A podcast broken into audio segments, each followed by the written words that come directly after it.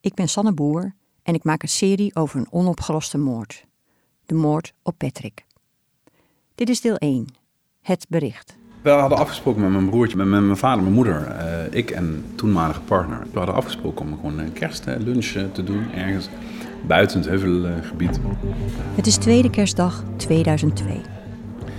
En mijn moeder die was ziek, dus die is thuis gebleven. En we hebben gewoon de hele tijd op mijn broertje zitten wachten.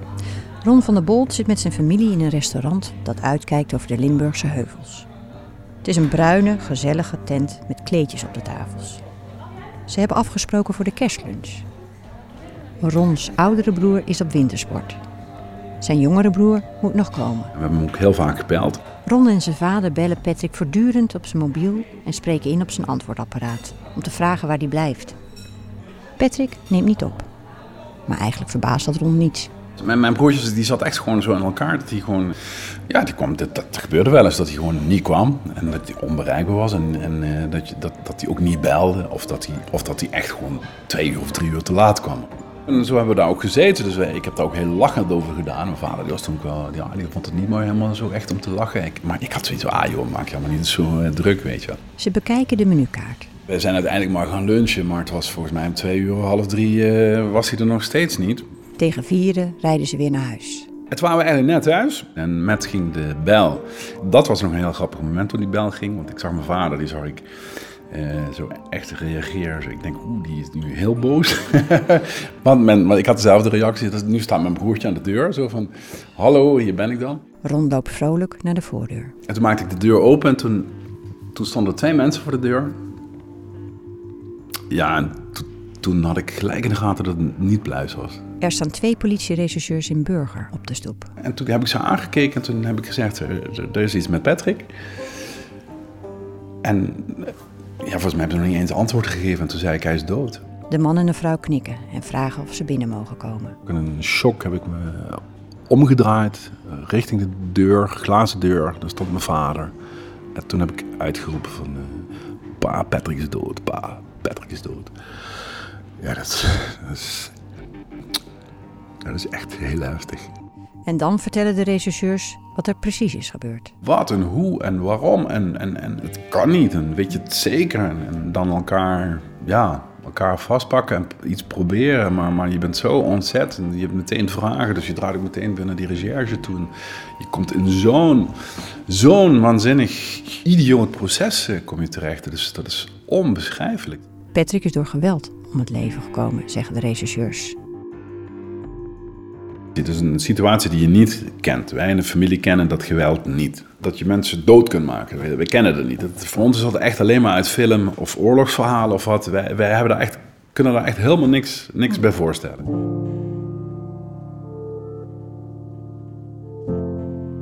Het is nu ruim 15 jaar geleden dat Patrick werd vermoord. En die moord is nog steeds niet opgelost. Ik wil dit verhaal vertellen omdat ik wil weten waarom de politie dit niet voor elkaar krijgt. Er zijn zo'n 1500 onopgeloste zaken, cold cases, in Nederland. Dat zijn moorden en zware zedenzaken. Maar hoe wordt een moord een dossier op de plank? Deze moordzaak trok mijn aandacht omdat het op het eerste gezicht lijkt alsof iedereen Patrick zou kunnen zijn. Ik wil ontrafelen waar het politieonderzoek naar de moord op Patrick is vastgelopen. Dit jaar luidde de politievakbond de noodklok. Rechercheurs zijn al jarenlang te weinig geschoold en overbelast door onderbezetting. Zeggen de moeilijkheden in deze zaak iets over de landelijke problemen bij de opsporingsdiensten? Uiteindelijk is voor mij de geloofwaardigheid van het OM is, wel echt. Uh, uh, in deze zaak is echt wel. Uh, ja, ik kan bijna zeggen, helemaal weg. Ron is net als ik journalist. Een half jaar geleden ontmoette ik hem en begon ik mijn research voor dit verhaal dat ik de komende tijd in meerdere afleveringen ga vertellen. Ik weet nu dat dingen die in eerste instantie zeker lijken, misschien niet zo zeker zijn. En ik ben tot onthutsende ontdekkingen gekomen. Deel 1: Het bericht. ANP 27 december 2002. De politie heeft op tweede kerstdag het stoffelijk overschot van een 36-jarige man gevonden in zijn woning in Heerlen. De man, die alleen woonde, is op gewelddadige wijze om het leven gekomen. De moord op Patrick haalt het nieuws op persbureau ANP. De politie heeft 20 regisseurs op de moordzaak gezet. Het was een Heerlen in de stad. Daar wordt meteen de boel afgezet, de recherche staat daar, dus het gaat heel vlug. Uh, dat gaat heel vlug rond. Er was ook heel vlug bekend in de stad, volgens mij, uh, dat, dat Patrick uh, dood was. De moord wordt al snel de kerstmoord genoemd. Wie was Patrick? Iedereen kende hem ook in de hele tenniswereld.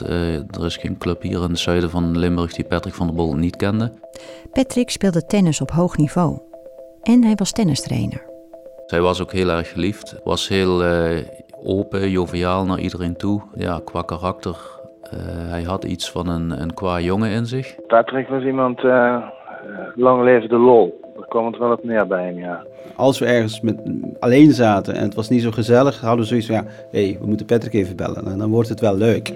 We stonden altijd voor iedereen klaar was ook altijd binnen, zeker binnen onze vriendengroep, maar ook op de tennistraining waar hij les gaf, was hij uh, de, de, motor.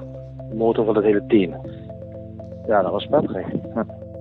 Iedereen die ik spreek over Patrick vertelt me ook hoe aantrekkelijk hij was. Als je op stap ging en je, je dacht van wat kunnen we doen om het vrouwelijke geslacht bij ons te hebben, dan moest je hem erbij hebben. Het werkte altijd, ook door hoe hij was. Zijn persoonlijkheid, zijn gedrag. En hij kende ze ook allemaal. Ik weet niet hoe hij ze allemaal kende, maar hij kende ze Hij kende gewoon iedereen. Als Ron die tweede kerstdag de voordeur niets vermoedend opentrekt en twee rechercheurs op de stoep staan, zitten verderop in Heerlen Patrick's vrienden in hun stamkroeg. Paul, de barman, heeft de zaak gesloten en hangt een bordje op de deur, wegens omstandigheden gesloten. Patrick's vrienden zijn dan namelijk al op de hoogte van het vreselijke nieuws. Ja, José belde me. Dat hij, geen, dat hij Patrick niet kon bereiken. Dit is Elmer, buurman en goede vriend van Patrick. Hij herinnert zich dat het ergens tussen 7 en 9 moet zijn geweest dat José hem belde. Ze was het vriendinnetje van Patrick. Met José, ik probeer Patrick te bereiken, maar ik kan hem niet bereiken. Ik zei, ja, hoezo? Want hij was gisteravond nog bij jou. Ja, hij is, is bij mij geweest en daarna is hij naar huis gegaan en ik maak me zorgen. Toen zei ze, ik kom nu naar je toe. Elme woont op dezelfde galerij als Patrick, twee appartementen verder. Dit is zijn versie van de gebeurtenis. Toen ze belde heb ik, ben ik opgestaan, ik heb uh, even aangekleed, ik heb even een kopje thee gemaakt. En ik heb gewacht op de bel. En toen de bel uh, ging, heb ik voor opengemaakt. Toen zijn we samen naar zijn appartement gegaan. En uh, door de raam gekeken en toen zag je hem in zijn flat liggen. Naast de voordeur zit een raampje. Elmer kan door dat raampje de keuken en de woonkamer inkijken. Het zag niet goed uit, nee. En wat dacht je toen? Mm, hij is dood. Een heel leeg gevoel. Zoiets van, dit, dit is onwerkelijk. Tussen de twee zwarte banken, voor de drempel van de balkondeur, ziet Elmer Patrick op zijn buik liggen. Zijn handen, één naar voren, ander wat naar achter, en zijn knieën een beetje opgetrokken. Hij beweegt niet. Wat ik ook zag was dat er ook een uh, plas bloed gedroogd bloed rond zijn lichaam. Dus in de buurt van waar hij lag. Elmer vertelt dat hij via de achterkant naar binnen probeert te komen.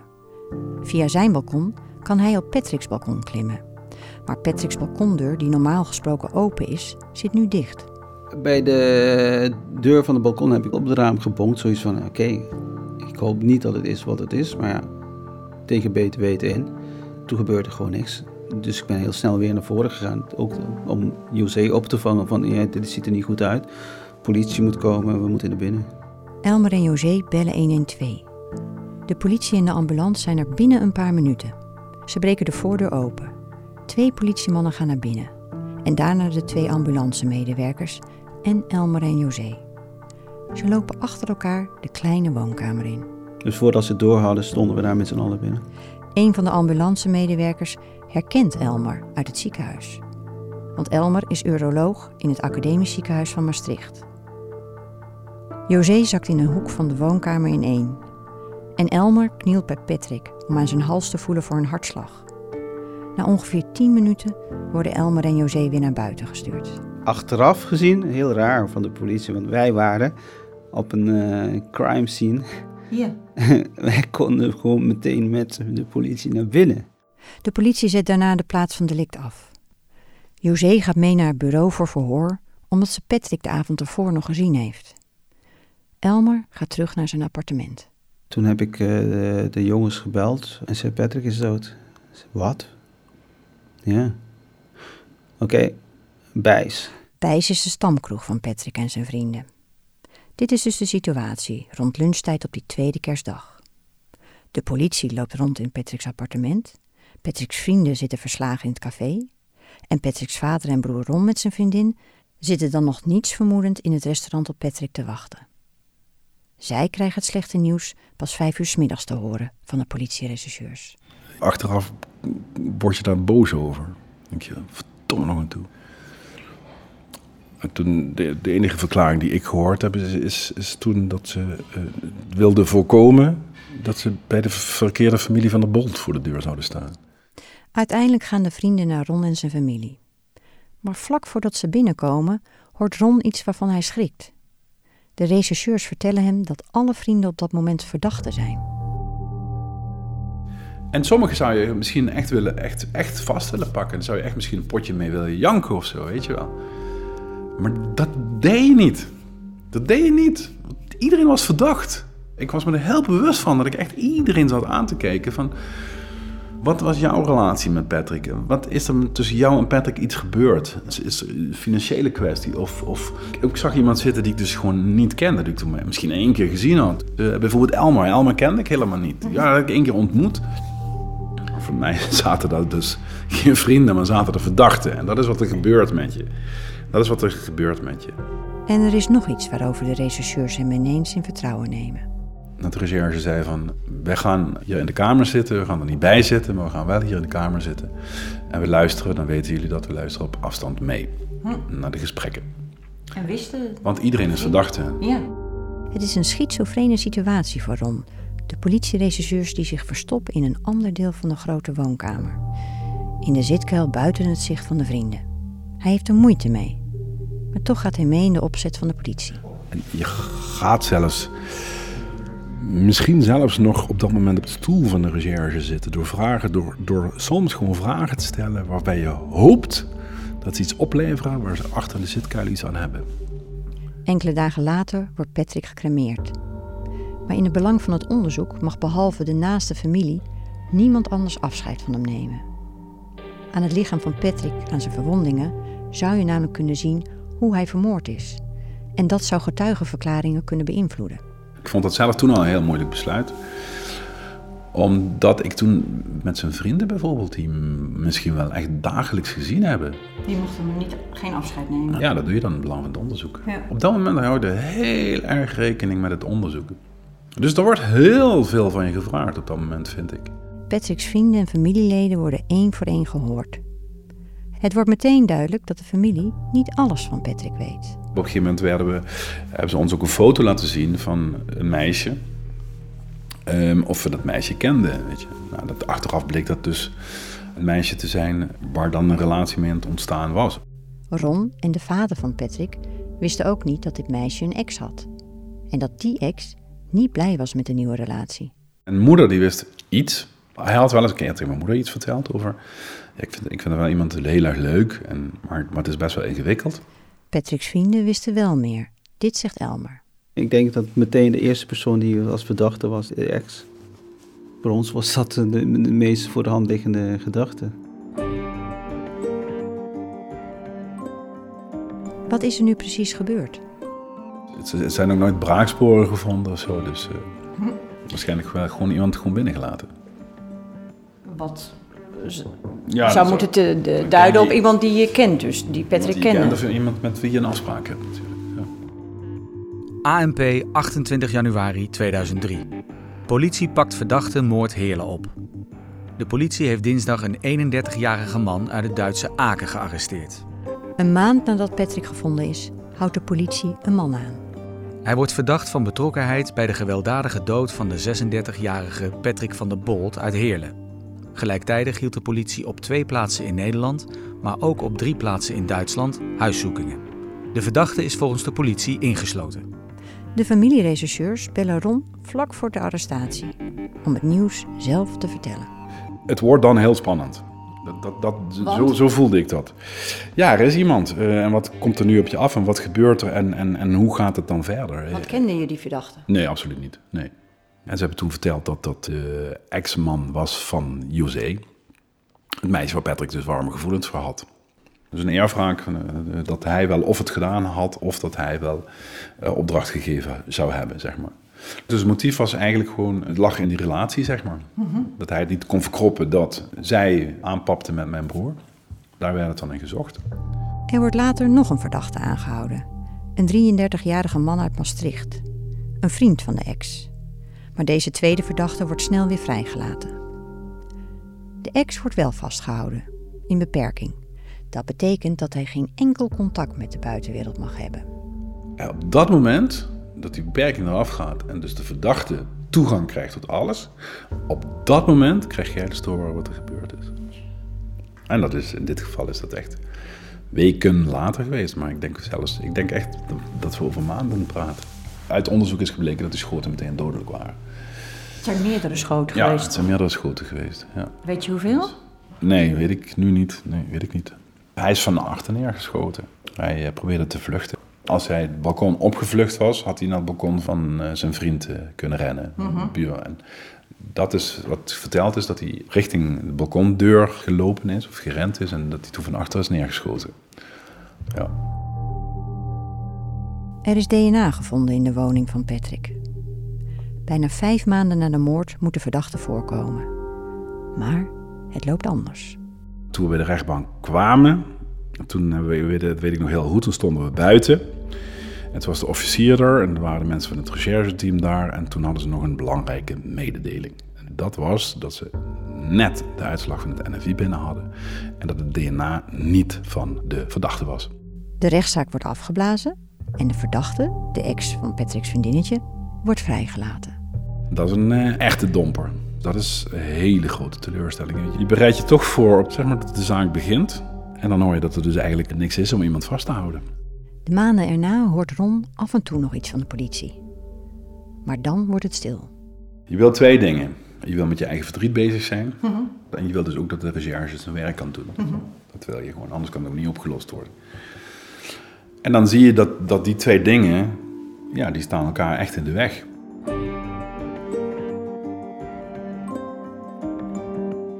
Zeven jaar na de moord vraagt Ron uiteindelijk om een afrondingsgesprek met de politie. Dat krijgt de familie. Politiehoofdinspecteur Jo Schreuder vat het gesprek uit 2010 samen in een brief. Ondanks dat er twee verdachten werden aangehouden, kon het onderzoek tot op heden niet met een positief resultaat worden afgesloten. De hoofdinspecteur schrijft dat de zaak geseponeerd is, maar dit betekent niet dat er geen vervolgonderzoek meer zal komen. Indien er in de toekomst nieuwe feiten of omstandigheden bekend worden, kan het onderzoek weer heropend worden. De moord op zijn broer blijft in zijn hoofd rondspoken. Toch probeert Ron zo normaal mogelijk verder te leven. Maar eind 2012 verandert alles. Als uh, videojournalist had ik gewoon uh, een afspraak bij de universiteit. Ron moet op de rechtenfaculteit van de Universiteit Maastricht een promotiefilmpje maken. Op de kamer van rechtspsycholoog Robert Horselenberg. Ik loop daar binnen en daar staat Robert Horselenberg staat daar. En die schrikt en die trekt wit weg. En hij vertelt echt gewoon op dat moment, vertelt hij van, ik wist niet dat jij kwam. Uh, ik zeg, ja, maar dat maakt toch niet uit wie komt dan? Ik bedoel, ja. wat maakt het nou uit? Zei hij, ja, maar ik heb een minuut geleden hebben ze het dossier van je broer hier binnengebracht. En toen zag ik het ook, er stonden allemaal klappers en er stond het dossier van mijn broer. Hm. En toen kreeg ik het wel heel erg warm en dan gebeurt er in je lichaam gebeuren allemaal dingen die je bijna niet kunt beschrijven. Horselenberg bestudeert met een selecte groep studenten jaarlijks één cold case. Hij probeert nieuwe inzichten in vastgelopen zaken te bieden om het opsporingsonderzoek weer in gang te krijgen. Zegt jij hoort het niet te weten. Je mag het niet weten. Dat is tussen de recherche, de OM en is dat zo geregeld waarschijnlijk. Dat mag niemand weten. En uh, hij zegt maar, ik vind het niet fijn. Dus ik ga contact opnemen met het hoofd van het onderzoek. Dat is meneer Schreuder. En ik ga hem zeggen dat jij dit nu op de hoogte bent. En dat hij jou vertelt wat wij doen en waarom we dit doen. En uh, dat hij jou in ieder geval informeert. Nou, ik heb toen weken, maanden gewacht op dat telefoontje. Uiteindelijk krijgt Ron dat telefoontje van de hoofdinspecteur. En die doet een belofte. Meneer Schreuder heeft toen beloofd. Het gaat een tijd duren, dit onderzoek. En uh, Ik ga je informeren over het verloop van het onderzoek. Maar opnieuw blijft het stil. En toen kwam ik een officier van justitie tegen. De zaakofficier. Dus die op het onderzoek gezeten heeft van Patrick. Die zes, zeven jaar lang op dat onderzoek gezeten heeft. En die vertelde mij, zelf spontaan, tijdens een ridderronde, dus een fietswedstrijd in Maastricht. En ik stond daar met een camerateamje en hij komt naar me toe. Hey, uh, het dossier van je broertje, uh, heb je toch wel gehoord hè, dat er heronderzoek naar gedaan is en zo? Ja, het was toch wel goed dat we dat gedaan hebben en zo. Er zijn toch echt wel verrassende dingen naar voren gekomen en zo, die echt wel de moeite zijn om door te rechercheren. En dat vertelde hij mij. De zaaksofficier die Ron naar eigen zeggen tegenkomt is Wim Smits. Het cold case onderzoek van de universiteit is dus kennelijk klaar. En het OM ziet aanknopingspunten voor de politie om er weer mee aan de slag te gaan. Ja, ik denk dat is, dat is fijn, want hij zei toen ook, volgens mij komt dat dan in een of andere groep terecht. En die moeten dan beslissen of er echt capaciteit voor vrijgemaakt wordt en geld voor vrijgemaakt wordt. Of er echt gewoon. Of, of, er, weer, of er weer mensen opgezet worden ja. op die aanhakingspunten. Of daar weer mensen opgezet worden. Dus ik denk, ja, dat is fantastisch. Ik heb toen gezegd, nou, dat is wel, dan, hoor ik dat uh, dan wel of zo. Het is dan 2013, 11 jaar na de moord. Zouden er echt nieuwe aanknopingspunten zijn? En wordt het politieonderzoek naar de moord op Patrick dan weer heropend? Zal er nu toch een dader gevonden worden? Ron heeft in ieder geval goede hoop. Maar weer verstrijken er jaren. Uh, ken ik, ken ik. Ja, oké, okay, waar, waar, het schip. Um, en ook als het is eind 2017 en het gaat slecht met Ron. Ook al merk je dat niet aan zijn stem of aan zijn manier van doen. Hij heeft een stevige burn-out en hij zit thuis. Nee, dat vind ik belangrijk dat je. Dat, want wat ik ook zei, het is, het is nu eigenlijk een We zitten in de woonkamer aan de lange eettafel. Hij heeft net een kritische brief aan het Openbaar Ministerie gestuurd. Na al die jaren, toen zag ik in één keer dat er vijf jaar overheen gegaan is. Vanaf het moment dat ik dus de universiteitsgebouw binnenliep en met het dossier geconfronteerd werd. Het heeft vijf jaar overheen gezeten. En in die vijf jaar heb ik nooit, nooit en ten nimmer iets gehoord van wat er uit het onderzoek gekomen is. Terwijl dat dus echt toen beloofd is. Ron wil een gesprek. Heel Limburg is op dat moment in de ban van het komende DNA-onderzoek in een andere cold case-zaak. Die van Nicky Verstappen. Een elfjarig jongetje dat in 1998 tijdens een schoolkamp verdwijnt. En later dood teruggevonden wordt. Ron vindt dat pijnlijk. Waarom wordt daar wel op gerechercheerd? Hij krijgt antwoord van het Openbaar Ministerie. Over zes maanden hebben ze tijd om hem te woord te staan.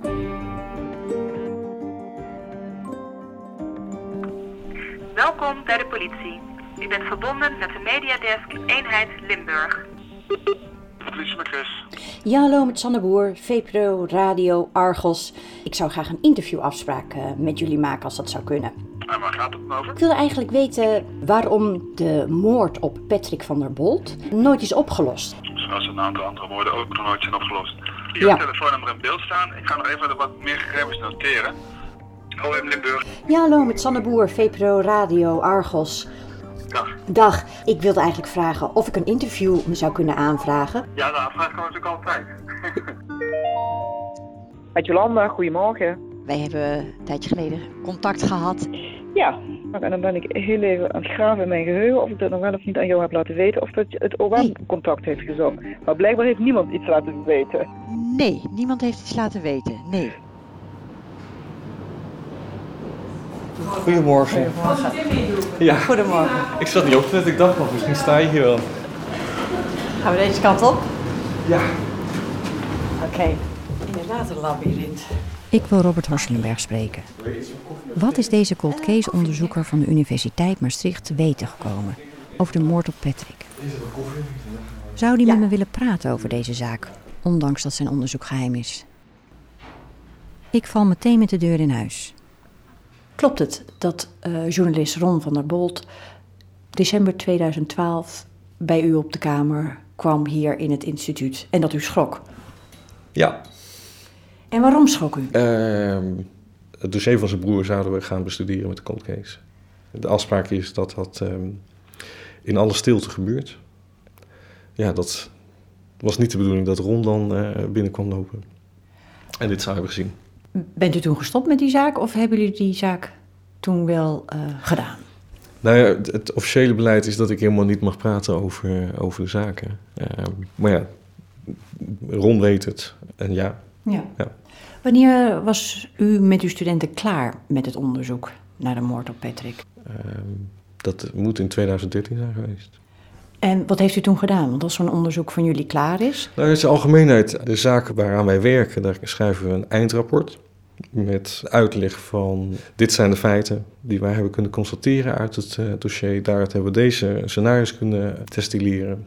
En dit zijn de acties die nog ondernomen kunnen worden, zowel tactisch als technisch, om bepaalde scenario's dus uit te sluiten.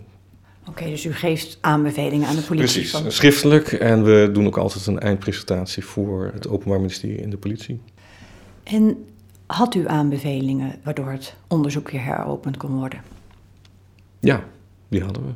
Oké. Ja. En op welk terrein? Nou ja, ik ga inhoudelijk niet over de zaak praten. Dat kan en mag ik gewoon niet. Maar dus, ja, je hebt op tactisch terrein heb je altijd dingen en op technisch terrein heb je dingen. Maar u heeft dus in de zaak van de moord op Patrick nieuwe aanwijzingen gevonden waarmee de politie verder zou kunnen rechercheren. Ja. Nou is het zo dat het vijf jaar geleden is. Heeft u aan de bel getrokken? Heeft u gevraagd van, zijn jullie al aan de slag? We hebben regelmatig overleg en dan eh, word ik van bepaalde zaken waar beweging in zit, word ik op de hoogte gehouden. Uh, deze zaak zit volgens mij geen beweging in. En wat zegt u dan? Ja, wat ik altijd zeg, zet hier een klein clubje uh, deskundigen op die ermee aan de slag gaan. En wat wordt er dan teruggezegd vanuit de politie? Menskracht is echt een groot probleem, menskracht. Want wat zeggen ze dan? Ja, dat ze niet genoeg mensen hebben. Oké, het onderzoek naar de moord op Patrick kan dus ook volgens de cold case onderzoeken aan de universiteit heropend worden. Alleen het rapport met de aanknopingspunten daarvoor ligt al vijf jaar ergens in een la. Ik vraag de politie Limburg en het Openbaar Ministerie meerdere keren om een interview. Daar moeten ze over nadenken.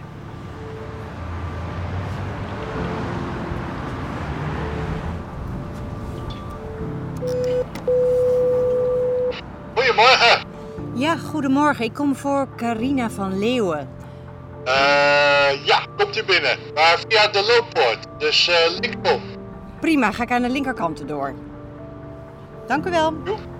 Vanuit de landelijke politie krijg ik te horen dat ik bij een forensische rechercheur van het Cold Case Team in Amsterdam moet zijn als ik iets wil weten over vastgelopen opsporingsonderzoeken. Hi, Carina. Hi. Goedemorgen. Hoi, goedemorgen, welkom. Van Leeuwen is een kleine vrouw. Ze bruist van de energie. We zitten in een klein vergaderhok. Uh, ik leg haar de zaak van Patrick voor. Water, perfect. De Universiteit Maastricht heeft deze zaak in 2013 bekeken en heeft het rapport in 2013 aangeboden aan de politie. Mhm. Sindsdien is er niets mee gebeurd. Wat zegt dat? Dat zegt waarschijnlijk dat uh, de eenheid Limburg geen capaciteit heeft uh, of wil vrijmaken, dat weet ik niet, maar kennelijk niet heeft om deze zaak op te pakken. Het kan natuurlijk ook zijn dat ze het uh, onvoldoende vinden om de zaak weer op te pakken. Nou, de leider van het onderzoek geeft aan dat uh, er wel degelijk goede aanknopingspunten mm. zijn om de zaak weer te heropenen. Ja, dat, ik kan dat natuurlijk niet beoordelen, want ik weet niet wat er in het rapport staat. Mm -hmm. Um, maar het feit dat er mogelijkheden zijn, ja, dat kan bijna niet anders. Als het een zaak uit 2002 is, dan kan ik me niet voorstellen dat er geen mogelijkheden meer zijn. Alleen al met nieuwe DNA-technieken, zegt Van Leeuwen, kan er opnieuw gekeken worden naar de sporen van toen. Maar ook dat gebeurt in deze zaak niet. Ik zou vooral uh, aan de familie aan willen geven: neem hier geen genoegen mee. En blijf rammelen aan die deur bij politie-eenheid Limburg, ook bij het Openbaar Ministerie. En uh, zorg dat die stem gehoord wordt. Nou, in dit geval is het zo dat hij eigenlijk gedaan heeft wat u voorstelt, namelijk aan de poort rammelen. Hij heeft gebeld, gemaild met het Openbaar Ministerie. Hij heeft zelfs beloftes gekregen dat hij op de hoogte werd gehouden. En elke keer gebeurt dat maar niet. Wat zegt dat? Ja, dat zegt dat er dus toch een, eh, een soort. Um, ja, nonchalance bijna is. En misschien komt het allemaal door werkdruk en wat dan ook. Maar ik vind daar niet een excuus voor. Dus ik wil dat ook niet gaan uitleggen. Ik vind dat de mensen dat zelf moeten doen. Ook al gaat het over mijn collega's. Ik vind dat het ook niet kan. Iemand, zeker als die zo aan de poort rammelt, moet hij gewoon antwoorden krijgen waar het kan. Van Leeuwen werkt in een groot cold case team in Amsterdam. Dat team telt rond de 30 man. Maar dat geldt lang niet voor alle regio's in Nederland. Helaas zijn er een aantal eenheden, politieeenheden, waar uh, maar één persoon op cold case zit, of hooguit drie. Eén persoon? Eén persoon, ja. Het zijn natuurlijk keuzes die gemaakt worden. Op papier moeten het er drie zijn, maar ja, als je te weinig mensen hebt, te weinig recherchecapaciteit, en je hebt te maken met een hele hoop operationele zaken, dus zaken die zich nu voordoen, dus de warme zaken, dan worden de keuzes gemaakt uh, wat ten koste gaat van cold case. En dat is wel iets wat ik enorm betreur. Het cold case team van de politie Limburg is ook klein. Tot 2015 bestond het team uit één man, nu uit vijf. En die mensen houden zich niet alleen met het voorbereiden van cold cases bezig. Ze moeten ook de vermissingen behandelen. Hoe kijkt u er dan tegenaan dat u met uw team 30 man heeft, maar dat er in andere uh, regio's er maar één iemand zit? Ik vind dat je dat uh, ook politiek gezien en ja, eigenlijk ook maatschappelijk niet kan verantwoorden. En het verbaast mij ook dat daar geen verantwoording over afgelegd hoeft te worden. En we hebben met z'n allen bepaald dat in de herinrichting van de nationale politie, uh, dat daar in ieder geval dus drie mensen vrijgemaakt moeten worden voor cold case. Maar er is niemand die vraagt, wat doen jullie er nou aan? Welke zaken hebben jullie opgelost? Hoe doen jullie dat dan? Hebben jullie genoeg personeel? Kunnen we daar wat aan doen? Uh, dat wordt eigenlijk niet gevraagd. En dat wordt bijvoorbeeld met overvallen wel gedaan.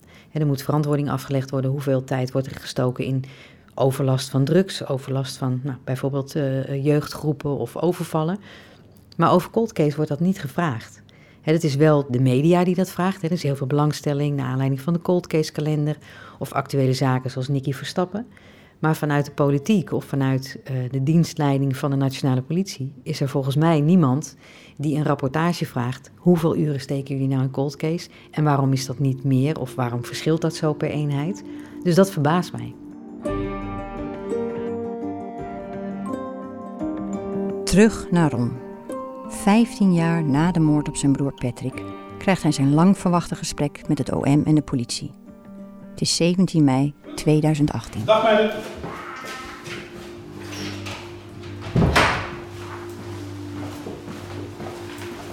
Nou, dan gaan we weer. nou gaat het echt gebeuren. Jongen. Wat je je belangrijkste vragen? Er ligt een rapport met hele duidelijke nieuwe aanwijzingen die te rechercheren zijn. Nou, waarom is er niks mee gedaan? Wat staat erin? Wat en wat gaan jullie er nog mee doen? Of doen jullie inmiddels? Dat is een hele belangrijke eh, vraag. En Ron wil in dit gesprek het Openbaar Ministerie en de politie vertellen hoe lak ze met hem en zijn familie zijn omgegaan. Misschien bedoelen ze het goed en zijn ze zich er niet van bewust. Maar hij wil dat andere nabestaanden deze hel bespaard blijft. Ik mag er natuurlijk niet bij zijn bij dat gesprek van Ron met het Openbaar Ministerie en de politie. Een week later zit ik opnieuw bij hem aan de keukentafel. Uh, nee, wil je iets dichterbij zitten? Uh, als je wil. Zijn vrouw en mee zitten nu ook bij. Wat is jullie gevoel nu? Ik vond het mooi dat de hoofdofficier begon, opende het gesprek. En eigenlijk uh, zijn excuses heeft aangeboden. Hoe het gelopen is de afgelopen jaren eigenlijk. Ja, ik had toch wat het idee dat bij hem echt binnengekomen is. En ook dat een stukje beseffen is over. Dat, dat idee had ik echt wel. En daar gaat het uiteindelijk om. Hè? We kunnen ook gewoon een hele beschuldigende vinger wijzen van toen. Maar daar schiet je helemaal niks mee op. Het mooie was de houding van hun is gewoon... We zitten hier nu, we zijn een nieuw team. We zijn geschrokken, we bieden excuses aan. Je voelde gewoon dat ze ermee bezig zijn geweest en dat ze ernaar gekeken hebben. En hebben ze ook verteld waarom ze niks met het universiteitsrapport hebben gedaan, het cold case rapport. Ze hadden het niet in het vizier. Dat waren letterlijk uh, de woorden. Dus ze waren blij met Ron brief. Dus blijkbaar kan er ook zoiets als zo'n dossier verdwijnen, wat ik wel heel schrikbarend vind eigenlijk. Dus als ik inderdaad geen brief geschreven had, dan hadden we nog wel vijf jaar kunnen wachten, nog wel tien jaar kunnen wachten, nog wel twintig jaar kunnen wachten. Want er was er nooit wat gebeurd. Nou, dat vind ik gewoon niet kunnen. En als je dan ook nog, zoals in dit geval, een cold case onderzoek gedaan hebt, waar waaruit blijkt wat het OM zelf informeel gezegd heeft, waarbij de wat de onderzoeker bevestigt, er zijn aanknopingspunten, er kan verder gerechercheerd worden, dan leg je dat niet als een vodje papier in een la ergens, waar niemand meer weet dat het bestaat. Dan ga je mee aan de slag, dat ben je verplicht. Van de politie Limburg hoor ik niets meer over mijn interviewverzoek. Daarom bel ik zelf maar. Dus uh, wat ik ga doen, ik ga, jou, ik uh, ga heel even bellen met het OM en dan ga ik je terugbellen. Heel graag. Super. Oké, okay, hoi hoi. Even later krijg ik een telefoontje van de voorlichter van het Openbaar Ministerie.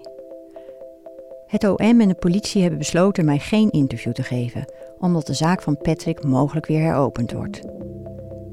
Na jaren van stilte overwegen ze dus toch weer om Patrick's zaak te heropenen. De komende tijd zal een stuurgroep beslissen of er geld en capaciteit wordt vrijgemaakt, zegt de voorlichter. Heeft dat dan iets te maken met de klacht van Ron of mijn interviewverzoek? Nee, zegt hij, zeker niet.